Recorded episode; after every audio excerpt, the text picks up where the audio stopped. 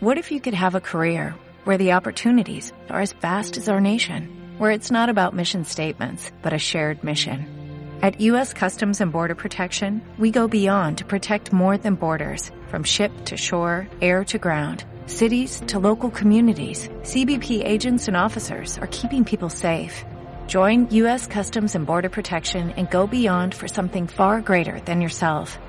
Learn more at cbp.gov/careers. No recordo haver llegit cap llibre que no parli de la inestabilitat de la dona. Potser perquè van ser escrits per homes. Amb la píndola de saviesa de Jane Austen, novel·lista britànica, els llibres de la qual són considerats clàssics de la literatura anglesa, comencem Bibliones. Bibliones. Propostes de la Biblioteca Marcelí Domingo.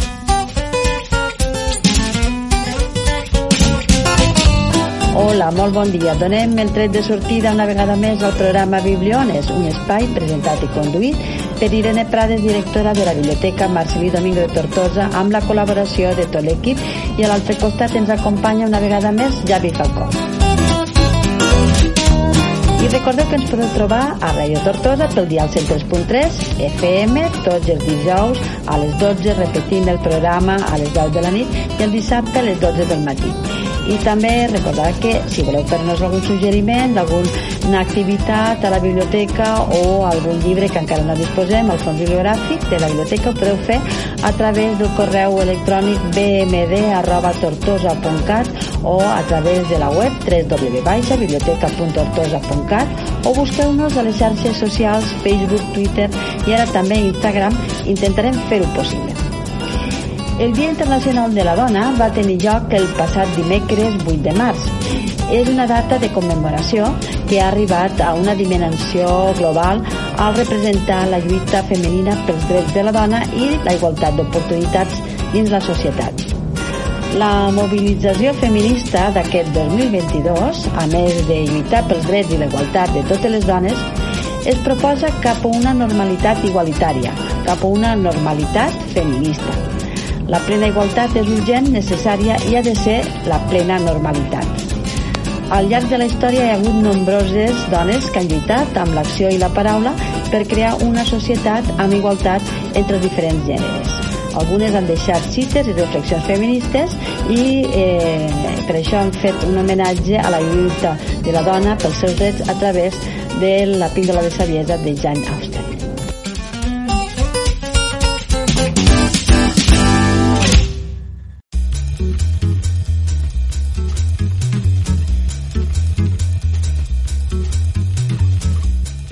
La música, com la literatura, el cinema, també ofereix espai per abordar tota mena d'assumptes. Amb més o menys claretat, músics, cantants, lletristes han tractat la condició femenina hàbilment. A la Biblioteca de Tortosa i amb motiu del Dia Internacional de les Dones que se celebra el 8 de març, us volem oferir a l'Espai de la Sintonia una cançó que s'ocupa del tema des de diferents perspectives, alliberació, drets, cos... Hem triat la cançó Soc una dona de Marina Rosell i ho fa entonant una lletra de Maria Mercè Marçal. No es tracta d'un poema musicat, sinó una lletra escrita exclusivament per al disc Bruixes i Maduixes que es va editar l'any 1980. És un text clar i directe sense segones intencions. Marina Rossell interpreta una dona que canta amb orgull el que és. Una dona ben ferma i rodona, amb l'hormona que cal i el que no li permeten ser, diu a la lletra, eh, diu no seré mai director d'un banc, no seré mai capital general, amb el cap ben alt. I això és tot, esperem que aquesta sigui la cançó eh, que eh, posi bandera al Dia de les Dones que vam celebrar el 8 de.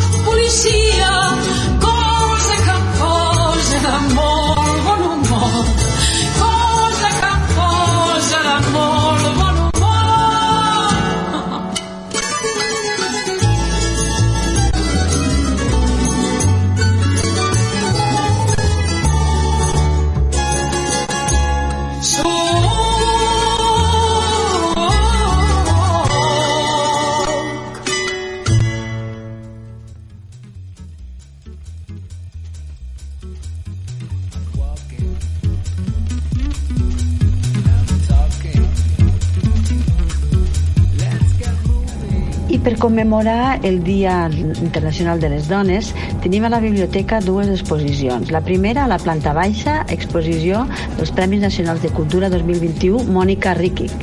I per què aquí? Perquè el Festival Eufònic amb la seva Tortosa compta amb una clara vocació investigadora sobre les arts digitals, amb l'objectiu de la investigació que també dona sentit al treball d'aquesta artística, la Mona Riquic, amb l'art i la robòtica.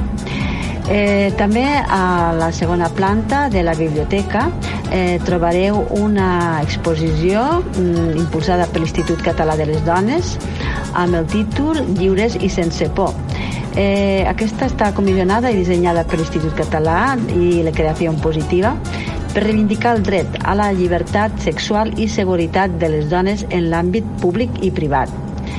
Eh, és una exposició de nou plafons pensada com a recurs formatiu i per reflexionar sobre què són les violències sexuals, com identificar-les, quines són les causes i què es pot fer davant situacions de violència.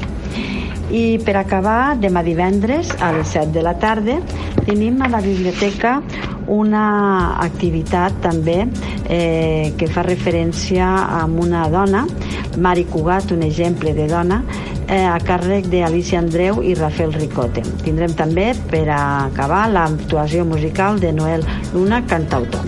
Esperem que us agrade i que vinguéssiu a veure les dues exposicions en horari de la mateixa biblioteca i la eh, conferència com a acte d'homenatge a Mari Cugat.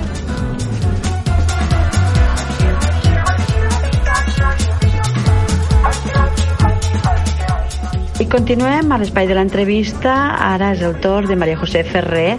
Ella és bibliotecària responsable de la secció d'adults i de col·lecció local i ens parlarà de recomanacions de llibres i novetats bibliogràfiques acabades d'arribar a la Biblioteca de Tortosa i que molt aviat podeu vindre a recollir i endur-vos-les en préstec. Bon dia. Una setmana més vinc a presentar-vos una selecció de les novetats que ens han arribat a la biblioteca. Però abans de començar, m'agradaria recordar-vos que si voleu conèixer totes les novetats que ens han arribat, només heu de fer un cop d'ull a la nostra pàgina web, al nostre Pinterest o bé al nostre compte d'Instagram, on puntualment cada setmana us donem a conèixer totes les novetats. I ara sí, comencem les nostres recomanacions i comencem, com sempre, amb les novel·les. Eh, aquesta setmana us presentem eh, la darrera mm, publicació de la Eva Baltasar que porta per títol Mamut. La protagonista de Mamut és una dona arcaica atrapada en la vida moderna. El seu medi és la ciutat, on signa contractes per viure. Vol tenir un fill i això l'obliga a fer-se amb homes. Com resistir el formiguer humà quan tens instint de caçador solitari? Se'n va, canvia d'hàbitat i esdevé la mestressa d'un mas aïllat. Hi ha un pastor, la solitud i les bèsties que t'alimenten o t'amenacen. L'instint treballa, la consciència s'esvera. Comet coses que esquinsen el pacte del nou mil·lenni. Aprèn a viure sense intermediaris. La segona novel·la que us recomanem és Trigo Limpio, de Juan Manuel Gil. 25 anys de, després de protagonitzar una gamberrada que marcarà el transcurs de la vida d'un grup amics, el narrador sense nom d'aquesta novel·la rep un missatge, de Simon, membre de la colla que va desaparèixer un bon dia sense deixar rastre amb una proposta inesperada. Per què no escrius sobre nosaltres, sobre el que ens va passar? Com una falsa novel·la de detectius, Trigo ressegueix els passos d'un escriptor disposat a qualsevol cosa per donar forma a la novel·la perfecta, mentre investiga sobre un passat que s'assembla poc al que recorda de la seva infància perduda en un barri perifèric. Un joc literari en què el lector està convidat a connectar les peces d'un trencaclosques hàbil. Canviem totalment de, de, de gènere i eh, us recomanem ara una adquisició eh, que ens ha arribat també aquesta setmana eh, que si us agrada la novel·la negra eh, potser us interessarà. És el darrer llibre de la Eva García Sainz Turi El libro negro de las horas és el seu títol i es situa a la Vitoria del 2022 on l'exinspector Unai López de Ayala alias Kraken rep una trucada anònima que canviarà el que creus, creu saber del seu passat familiar. Té una setmana per trobar el llegendari llibre negre de les hores, una joia bibliogràfica exclusiva, perquè si no la seva mare, que descansa al cementeri des de fa dècades, en concret des de fa 40 anys, morirà. Com és possible això?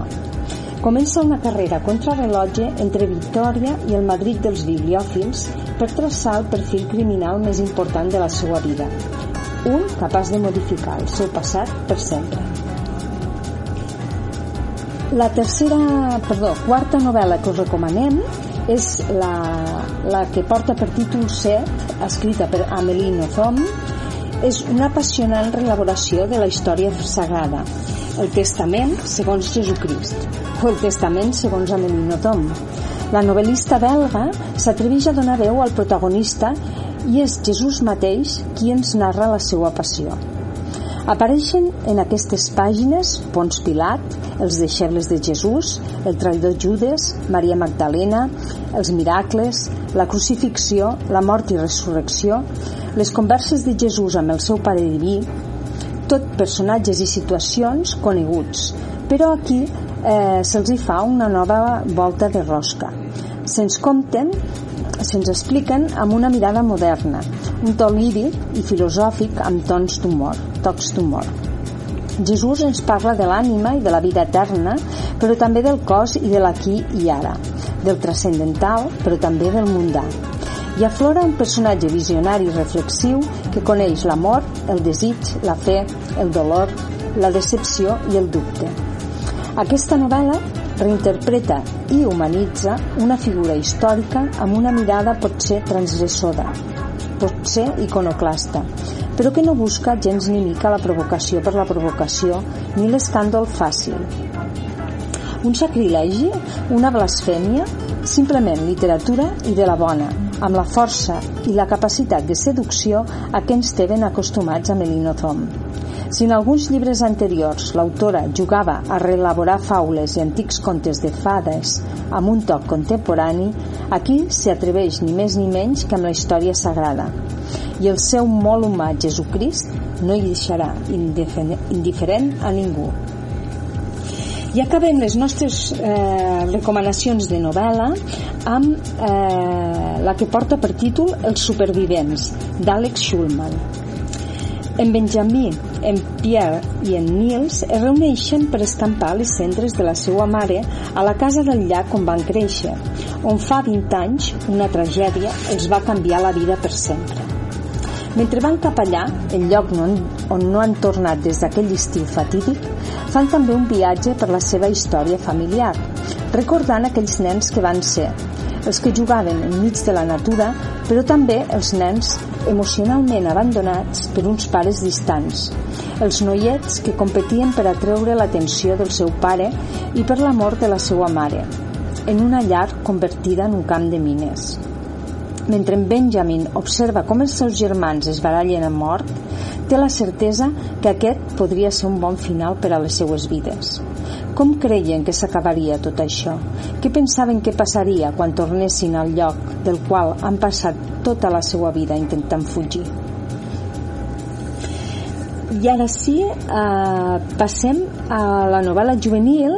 Us recomanem eh, la darrera novel·la eh, de la Care Santos que es titula El Vall dels Morts el protagonista Samuel, un jove orfe adoptat per un personatge ric, tèrbol i maldat, malvat, i per encàrrec del govern d'Isabel II, tots dos emprenen una missió pels cementeris més antics, juntament amb una jove, jove misteriosa per la qual en Samuel se sentirà estranyament atret. Hauran de plegar informació sobre certes tombes i els morts que les ocupen. En la seva investigació, el noi descobrirà fets esgarrifosos i una veritat dolorosa. Res ni ningú no és el que sembla. Ara sí que passem a les novel·les de, de coneixement, ja les novel·les, als llibres de coneixements. Els, les recomanacions que us portem avui estan prou relacionades amb l'actualitat i eh, comencem per un llibre que porta que està escrit per Llibert Ferri eh, i que i que porta per títol Putin 30 anys després del final de la URSS o com refer l'imperi després de la fallida la Rússia de Putin no s'entén sense la humiliació que va representar l'esfondrament de la Unió Soviètica, de la mateixa manera que l'arribada de Hitler al poder no s'entén sense la humiliació que van representar per a Alemanya les reparacions de guerra imposades al 1919 pel Tractat de Versalles. El llibre comença el 2006 amb l'assassinat de la periodista Anna Politkovskaya i del policia exiliat a Londres Alexander Litvinenko. Putin, un home eh, del KGB, un txequista, governa des de la tardor de 1999 amb la intenció de refer de Rússia, de fer de Rússia un estat policial i perpetuar-se en el poder. Refer l'imperi aplicant a Ucrània la doctrina soviètica de sobirania limitada desencadenant una guerra civil, anexionant-se Crimea i ocupant el Donbass, eh, que és un deliri eh, un dels deliris que Putin té al cap alhora que vol que Europa se senti amenaçada i aprofitarà qualsevol escletxa per entrar-hi. Era darrere la, la crisi catalana del 2017? Es tractava de sacsejar Espanya, un dels francs més fràgils de la Unió Europea? I com de malament es portarà amb els Estats Units de Joe Biden? Totes aquestes preguntes se les fa Llibert Ferri, periodista, a, al llibre. El segon llibre que us recomanem es tracta del que porta per títol Repoblem, de Tom Lloret, eh, que ens explica que la Covid eh, ha despertat l'interès per anar a viure al poble, una oportunitat per frenar el despoblament i reequilibrar el territori eh, per tal d'aprofitar aquest interès pel món rural, a les xarxes nasqué Repoblem, una iniciativa per connectar persones que busquen mm, poble amb pobles que busquen persones i que en pocs mesos ha assolit milers de seguidors. Però qui són aquestes persones i com són aquests pobles? I quin és l'abast del despoblament a Catalunya? El llibre és un recorregut per conèixer eh, repobladors, des dels més recents, que s'han establert durant la pandèmia, fins als que ja fa anys que hi arrelen i creen els seus projectes de vida. Però per entendre cap on van aquests repobladors cal fer també una mirada cap a aquest món rural que s'ha anat despoblant, de la mà de qui estan, dels qui estan al capdavant dels ajuntaments i de les persones que viuen en aquests micropobles, ens aproximarem a les seues visions, problemàtiques i reptes de futur. El tercer llibre que us recomanem és un llibre sobre, sobre el, la immigració. Es tracta de Germanet, d'Ibrahim Abalde, eh, que comença així. Soc a Europa, però jo no volia venir a Europa. La Ibrahim Abalde va néixer a Guinea, però va haver, va haver de marxar de casa seua per anar a buscar el seu germanet petit, el seu germanet. Ell no anava, ella no anava, ell no anava perseguint cap somni. Ho va deixar tot enrere per trobar la persona que més estimava. Una mirada ingènua, castigada, arrebatadorament poètica i en definitiva única.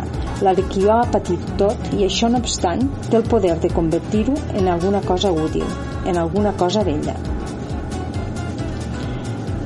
El següent llibre que us recomanem i, i l'últim d'aquestes llibres de matèries es tracta de el llibre Som dones, som lingüístiques ai, som moltes i diem prou.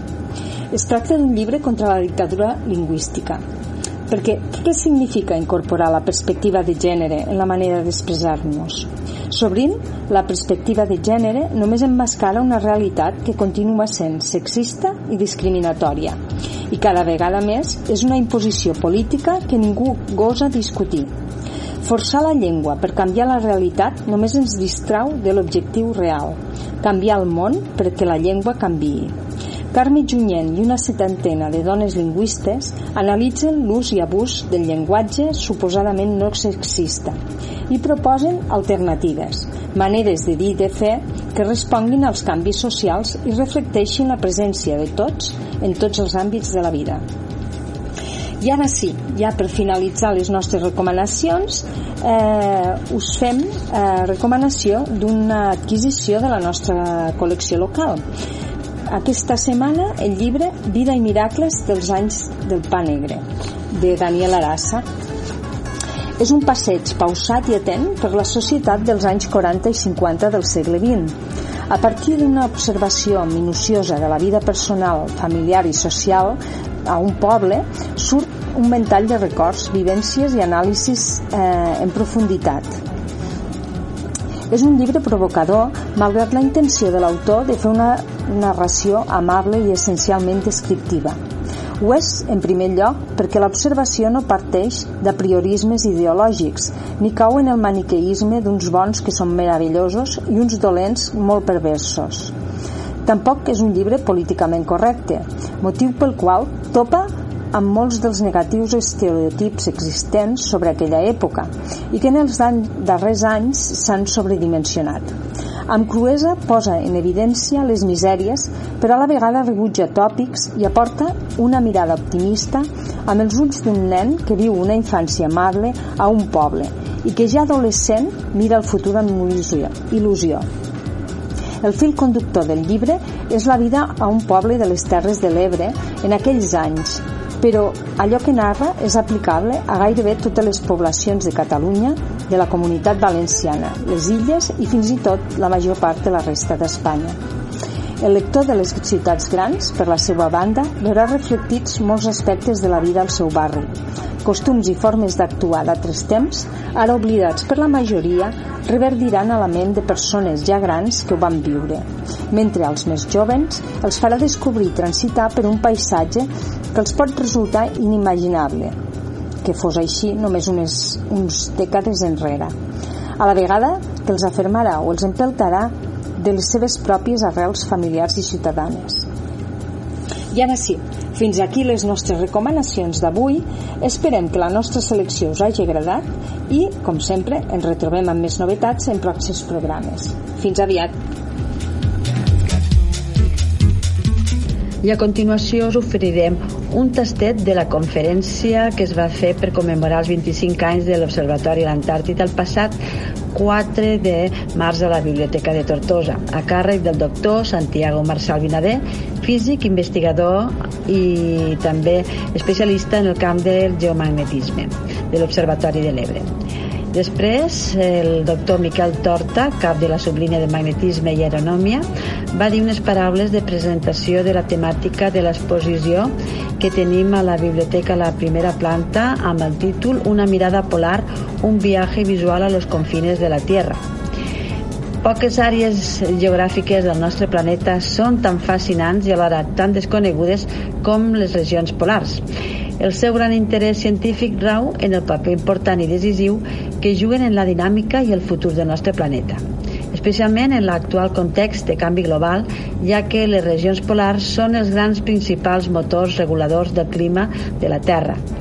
Els canvis dràstics que estan patint en resposta a l'augment de temperatura ocasionat per l'increment en l'emissió de gasos de l'efecte hivernacle com a conseqüència de les activitats humanes estan afectant directament la dinàmica climàtica, oceanogràfica i ambiental, tant dels mateixos pols com els de les latituds extrapolars. Amb aquesta exposició de fotografies eh, persegueix mostrar la bellesa d'aquestes regions tan remotes i proporcionar una visió integral i multidisciplinària de l'estat del coneixement de les zones polars, remarcant les semblances i diferències entre l'Àrtic i l'Antàrtida. Especialment busca conscienciar les noves generacions sobre la importància i la vulnerabilitat de les regions polars. A més, pretén ressaltar la necessitat d'una investigació enfocada a comprendre i avaluar el paper en el futur incert del nostre planeta en un context de transformació derivada del canvi global actual. una mica del que és la ciència a, a l'Antàrtida, quins estudis s'hi fan, després entraré a parlar sobre la base antàrtica espanyola eh, i després al final, eh, perquè no sigui, parlaré una mica de l'Observatori de l'Ebre a l'Antàrtida. I concretament parlaré de lo que nosaltres anem a fer allà, que és el geomagnetisme i l'aeronomia. Vale? Bueno, doncs comencem parlant una mica de què és l'Antàrtida. Bueno, doncs l'Antàrtida, almenys així ho defineix la, el Tractat Antàrtic, són totes les, la, la, tota la zona del planeta que està per sota dels 60 graus de latitud sud. És a dir, una gran part és, és continent i les illes que l'envolten i una part important també és totes aquestes eh, la zona de, de, oceànica no? de, de, de, de l'oceà eh, Antàrtic l'Antàrtida eh, normalment doncs, eh, queda amagada sota els globus no? I, i quan veiem un, un, globus terràquil no, no ens fixem en l'Antàrtida molt, molt sovint passa, de, passa desapercebuda però té una mida important eh? té una mida que és més gran que Europa en concret té uns 14 milions de quilòmetres quadrats i l'altre dia vaig fer el càlcul crec, crec que és un 40% més gran que tota Europa d'acord? o sigui que té una mida important eh? llavors què és l'Antàrtida també es podem definir l'Antàrtida climàticament com un desert vale? això hi ha molta gent que li passa per alt i aquí tots quan parlem d'un desert ens ve al cap doncs, una zona de sorra no? i el pingüí que surt aquí dient aquí no, no fa gaire fred no? on, on, és, on, és el, on és el desert no? i és que desert s'entén com una zona amb molt baixa pluviometria l'Antàrtida és una zona on té molt poca on hi ha molt poca pluviometria al llarg de l'any eh, aquí tenim un mapa del que seria la pluviometria a l'Antàrtida. Nosaltres aquí a Tortosa Malentès estem al voltant de, de la zona vermella entre 400 i 500 mil·límetres de precipitació a l'any que es correspondria a aquestes zones perifèriques de l'Antàrtida, d'acord? i les zones de l'interior de, del continent antàrtic estarien al voltant, doncs ja veieu, eh? entre 50, 100, com a molt, mil·límetres de pressió de l'any, és a dir, eh, entre una cinquena i una desena part del que plou aquí. Eh? Quan plou, doncs, en forma de neu o de precipitació. Eh? Normalment allà, doncs, lògicament, és de neu, en forma de neu. El que sí que s'ha de dir és que a mesura que ens, a, que ens allunyem de la zona central doncs ja comencem a tenir precipitació en forma d'aigua nosaltres estem en aquesta illa d'aquí dalt i allà quan durant l'estiu quan, quan, quan precipita fan en forma d'aigua? Què té d'especial l'Antàrtida? Doncs com sabeu tots doncs, fa molt de fred eh? està coberta de gel és un lloc inhòspit i remot i eh, també té l'especial que és un continent que està aïllat de la resta d'acord? això el fa una mica especial és un continent verge perquè no hi ha població autòctona de l'Antàrtida són la, tota la gent que, que, que, que fa estades provenen d'algun altre país i fins fa relativament poc era, era desconegut eh? després parlaré una miqueta d'això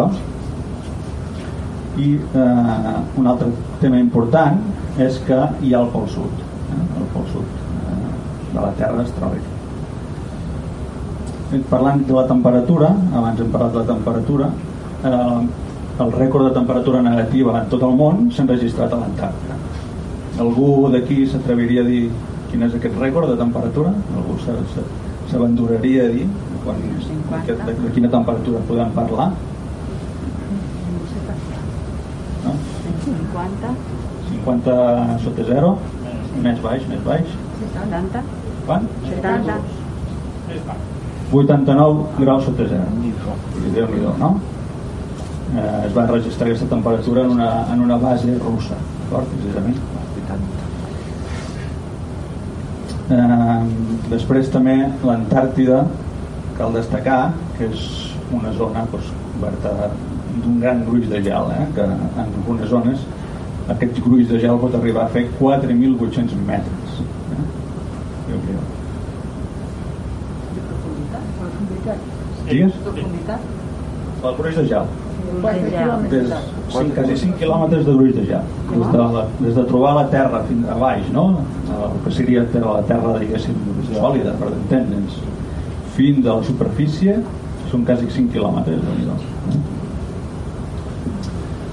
Això, bueno, eh, vindria a il·lustrar perquè fa tant de fred a l'Antàrtica, molt, potser molts de vosaltres ho sabeu, no? Eh, la, eh, la raó és que el, diguéssim, aquí tenim la Terra no? amb el seu eix de rotació que passa pel, pel, pel mig i en els equinoxis és a dir, la 21 de març, 21 de setembre aproximadament la, la, aquest eix de rotació és perpendicular a la línia que uneix el Sol amb la Terra d'acord? això fa dues coses en primer lloc eh, els rajos de sol cauen perpendiculars sobre l'equador en aquesta època d'acord?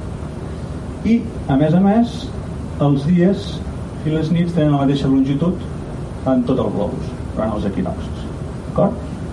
és a dir que si ens movem a l'equador que és el, el punt on diguéssim els rajos de sol són més eficients perquè acaben damunt del, del nostre cap eh, a mesura que ens allunyem de l'equador cada vegada el sol és més obliqu està més avall i per tant no és tan efectiu a l'hora d'escalfar d'acord?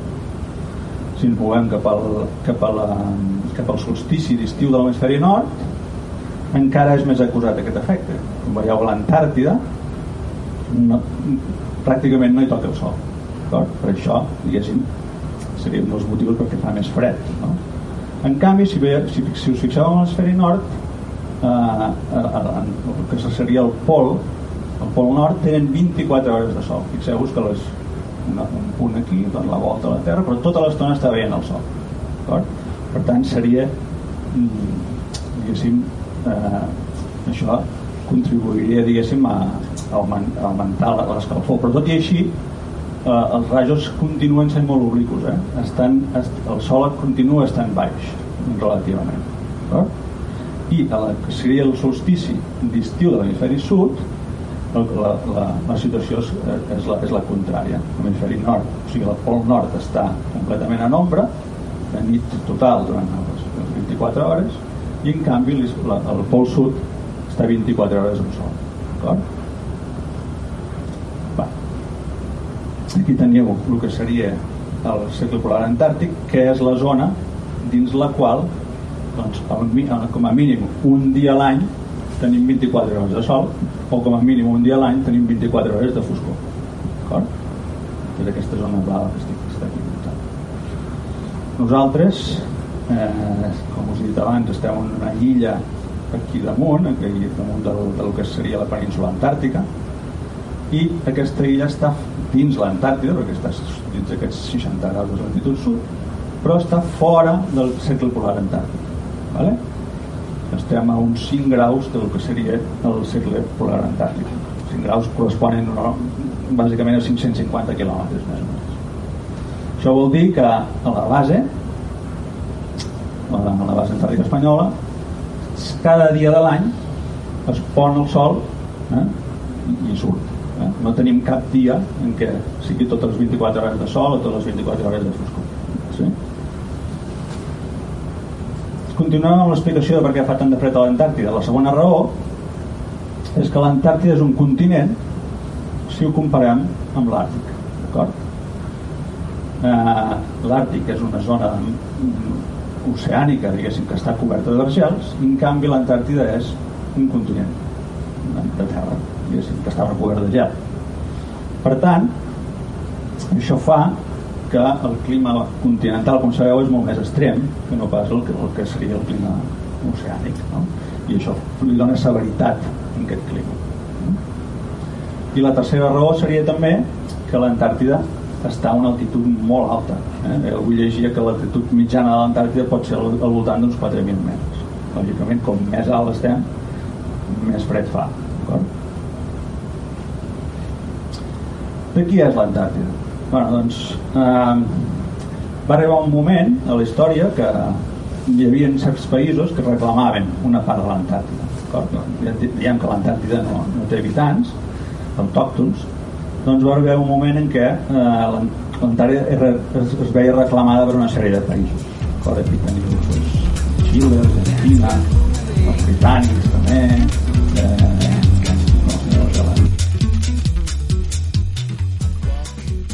Hola, em dic Jaume Martín i he escrit un llibre titulat Sobreviure a la vida. Primer, voldria explicar com va sorgir la idea de fer aquest llibre. Jo he sofert durant molts anys atacs d'ansietat, provocats per un hipocondrisme desmesurat degut a un episodi greu que vaig tenir d'adolescent, al consumir droga. Les consumia per evadir-me de la realitat, ja que no podia afrontar la mort per accident d'un amic, ni el càncer d'un familiar pròxim. A partir d'aquí, la por a la mort es va quedar instaurada dintre meu. Era un patiment constant, durant 24 hores al dia. Per sort, amb la pràctica de l'esport, concretament el futbol, vaig trobar una via d'escapament i així reduir els atacs de pànic. L'ansietat va remetre i un període de bonança va iniciar-se. Per fi, podia tenir una vida normal. Feina, família i esport es compaginaven a la perfecció. Encara que de tant en tant patia algun atac d'ansietat, eren insignificants i no m'inquietaven per a res. Semblava que les pors del meu interior quedaven mitigades. Els problemes van començar quan la meva dona i jo ens vam quedar sense feina la mateixa vegada, amb dos nens petits. Aquest va ser el primer detonant. L'ansietat necessitava benzina i aquest va ser el seu combustible. Es va tornar a encendre el foc del pànic. Van ser uns anys molt durs. Cada dia sofria atacs. L'ansietat controlava tot el meu món i de retruc el de la meva esposa. Els dos vivíem un infern d'emocions negatives que s'autoalimentaven i que no ens deixaven ni un bri d'aire per a respirar. Estàvem completament ofegats. Les nits eren eternes, els plors i els laments no tenien consol. No trobàvem una solució per als nostres problemes i ens enfonsàvem en un abisme de pànic i sofriment. Aleshores, va ser el moment en què em vaig decidir a escriure, ja que no era capaç de mirar la meva parella a la cara per dir-li què sentia. Vaig descobrir que escrivint podia treure gran part dels sentiments i de les preocupacions del dia a dia, i així ho vaig fer. Durant les nits, agafava el bolígraf i la llibreta i escrivia tot el que em passava pel cap, sense filtre i sense embuig. Això va provocar que l'ansietat quedés al descobert, encara que l'apatia escriure sobre ella calmava la càrrega de sofriment. Al veure que no me'n sortia, vaig decidir anar al psicòleg. La veritat, aquesta va ser una gran decisió. La psicòloga va donar-me una metodologia de treball per a que en qualsevol moment pogués afrontar una crisi d'ansietat. Per fi tenia al meu abast les armes necessàries per controlar el meu interior. El problema va esdevenir quan el meu amic es va suïcidar. Aquesta bomba va desencadenar un altre cop fort d'ansietat, de pànic. Em va deixar sense vida, a mi també. No podia assimilar el que estava passant. Era massa dolorós per a mi. Aleshores, la psicòloga va tenir la idea de que escrigués tot allò que sentia, totes les emocions, i així ho vaig fer. Un altre cop, amb el bolígraf i la llibreta, vaig desencadenar una tempesta de sentiments estirpats dintre meu. Aquest va ser el principi del llibre, la gota que va fer vessar el got. Durant dos anys vaig anar escrivint i escrivint sense parar, situacions viscudes per mi, pels meus companys, pels meus amics, i que m'havien marcat, tots els sentiments i emocions que havia experimentat durant molts anys. Així es va crear Sobreviure la vida, un relat on interaccionen dos personatges. Un personatge que viu a la vida real, que escriu un diari, i el seu alter ego, que és el personatge del llibre que va sofrint les emocions. És evident que per donar més personalitat al llibre, moltes seqüències estan portades a l'extrem més inhumà possible, per a que el lector pugui experimentar aquestes emocions. Aquest llibre no és una autobiografia, ja que hi ha fets que estan molt exagerats i d'altres situacions que van succeir segurament d'altra forma i manera. La finalitat és poder fer-li veure a les persones que hi ha molta gent que pateix ansietat, atacs de pànic i altres enfermetats mentals. En aquesta part és on el relat és més intens, dur i emotiu. Vull mostrar totes aquelles persones que no estan soles, que hi ha gent com jo, una persona amb una vida normal que també sofreix d'angoixa i que no és cap vergonya. Intento que comprenguin que el millor és acceptar el que està passant i buscar ajuda. Primer, un recolzament familiar. Allí el tindran de forma incondicional. Són els braços que us sostindran i després una ajuda psicològica. Els especialistes faran que el camí no sigui tan dur i us mostraran com afrontar els empills de l'ansietat. A mi em va costar molt fer aquest últim pas, però realment, un cop fas la primera passa, la resta, a poc a poc, va millorant. Sobreviure a la vida no mostra el remei de la curació de l'ansietat ni el pànic, ja que jo no sóc cap especialista en el tema. Només he reflectit la meva experiència per afrontar la malaltia i poder viure sense hipocondrisme, ni por a sofrir un atac d'ansietat. Finalment, per acabar, com és un llibre que per a mi m'ha servit per treure molt de dolor del meu interior i expressar les meves pors, amb el recolzament de la meva dona vam decidir que els beneficis del llibre anirien destinats per a l'ajuda del càncer infantil. Veure patir els nens és molt dolorós nosaltres en tenim dos i són la nostra vida i la nostra força. Per tant, posarem el nostre granet d'arena per lluitar contra aquesta malaltia. Si voleu saber més sobre el llibre i la història que explica, ens veiem a la Biblioteca Marcelí Domingo, el dia 29 de març a les 7 de la tarda. Allí estarem fent la presentació del llibre i xerrant una estona sobre tot el que envolta el tema de les emocions, l'ansietat i les seves conseqüències. Una abraçada a tothom i ens veiem el dia 29 de març a les 7 de la tarda.